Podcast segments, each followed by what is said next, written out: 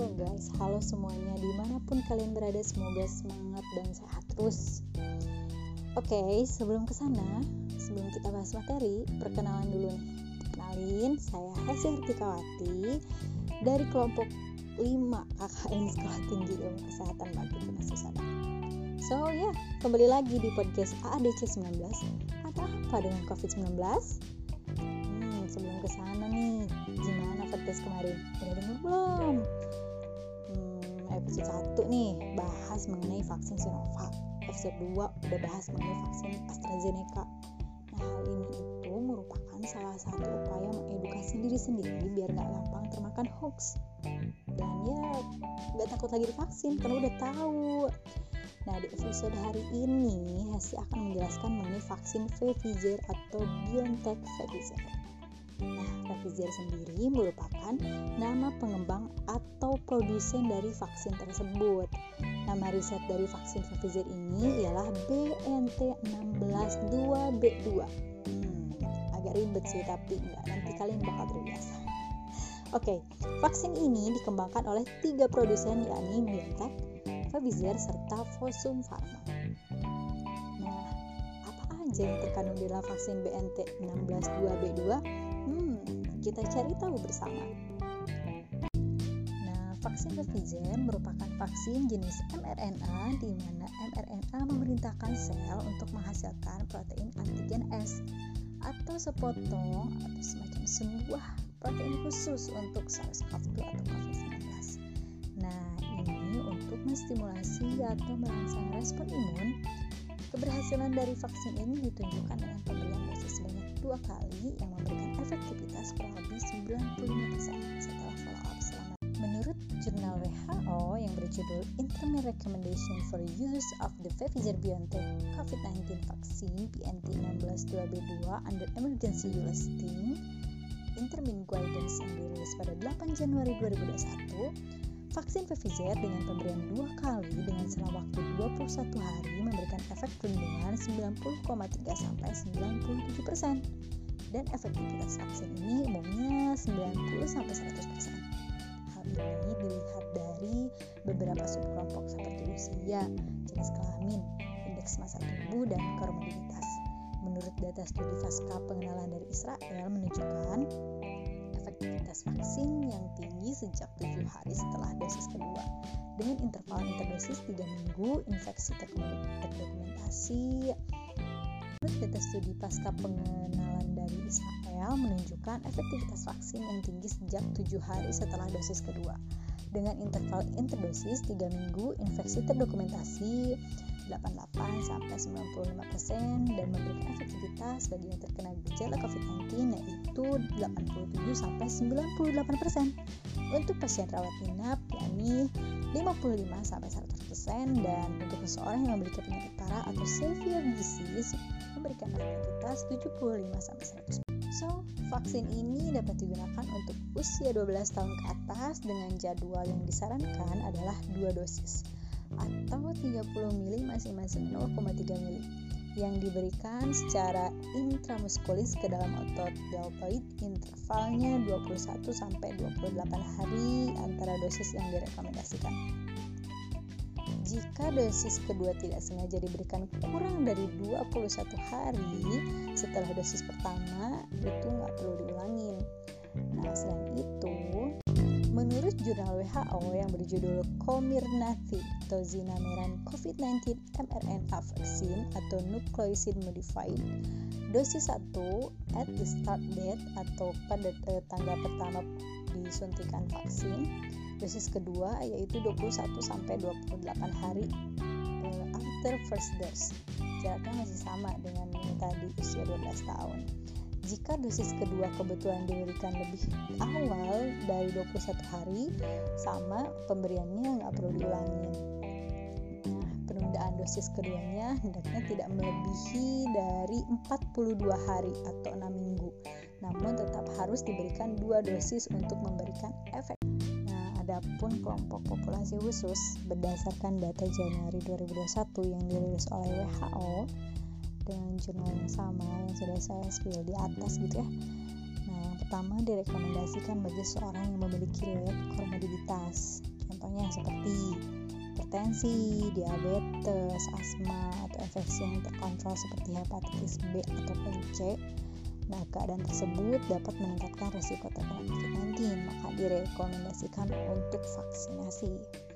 Yang kedua, data yang tersedia bahwa terdapat resiko bagi wanita hamil yang menerima vaksin maka WHO tidak merekomendasikan vaksinasi pada kelompok wanita hamil kecuali except health worker atau pekerja kesehatan yang beresiko tinggi dan keadaan dalam keadaan hamil dan memiliki riwayat penyakit komorbiditas dengan potensi efektivitas lebih besar daripada resikonya.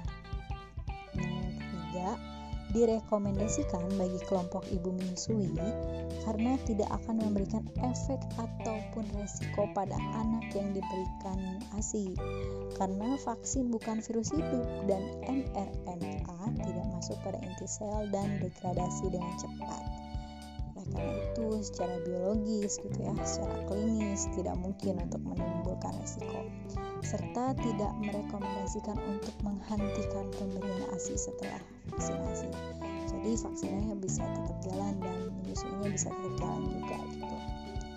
Nah yang keempat nih uh, immunocompromised persons atau seseorang yang memiliki imun rendah atau sistem imunnya terganggu Nah, kelompok ini mungkin telah berkurang responnya terhadap vaksin, namun direkomendasikan untuk melakukan vaksin dengan melakukan konseling terhadap keselamatan pasien serta profil efektivitas pada pasien harus diberikan informasi mengenai benefit atau resiko pada pasien. Nah, yang kelima, kondisi autoimun tidak memiliki kontraindikasi untuk pemberian vaksin. Boleh melakukan vaksinasi ya dengan syarat tadi. Nah, yang keenam, vaksin direkomendasikan untuk pasien yang memiliki penyakit HIV dengan terapi yang terkontrol. Namun, bagi HIV yang tidak terkontrol, um, tidak memungkinkan pada penilaian efektivitas vaksin dan keamanan pada kelompok ini. Jadi diragukan ya untuk efektivitas dan keamanannya. Kecuali yang tadi gitu ya, HIV terapi yang terkontrol eh, yang ketujuh kelompok dengan riwayat Bell's palsy mungkin bisa menerima dengan tidak adanya kontraindikasi. Namun saat ini tidak ada bukti kuat bahwa kasus yang diamati adalah terkait dengan vaksinasi. Nah yang kedelapan untuk orang yang telah menerima antibodi monoklonal atau plasma gitu ya uh, ini juga bagian dari pengobatan COVID-19, vaksinasi harus ditunda setidaknya selama 90 hari untuk menghindari gangguan pengobatan dengan respon imun yang diinduksi vaksin. Nah, itu uh, keadaan-keadaan atau kelompok-kelompok khusus ya yang harus diperhatikan. Nah, berikutnya apa aja sih efek samping dari penggunaan vaksin Pfizer? Nah, pertama nih, yang sangat umum. Range yang sangat sangat umum atau kurang dari 1 sampai 10 eh, sakit kepala gitu ya. Eh, atralgia, mialgia, nyeri tempat suntikan, kelelahan, menggigil, vireksia lebih tinggi frekuensinya setelah dosis kedua gitu, pembekakan pada tempat suntikan. Nah, ini eh, umum gitu ya gejala yang sangat umum. Nah, umumnya lagi atau kurang lebih 1 sampai 1000 atau hingga 1 sampai 100 orang gitu ya mengalami limpadenopati, mengalami insomnia, mengalami nyeri pada ekstremitas atau malais e, dan gatal di tempat suntikan. Nah, efek samping langka ini kurang lebih 1 sampai 10 ribu atau hingga 1 sampai 1000 orang ini mengalami Bell's palsy atau kelumpuhan wajah perifer akut namun ini langka ya. Nah tidak diketahui untuk samping yang tidak diketahui atau tidak dapat diperkirakan dari data yang tersedia gitu ya dapat mengalami anafilaksis atau hipersensitivitas gitu dan hal yang harus diperhatikan banget nih ialah harus ada interval minimal 14 hari antara pemberian vaksin ini dengan vaksin yang lain terhadap penyakit yang lain gitu sampai data tentang pemberian e, bersama tersedia.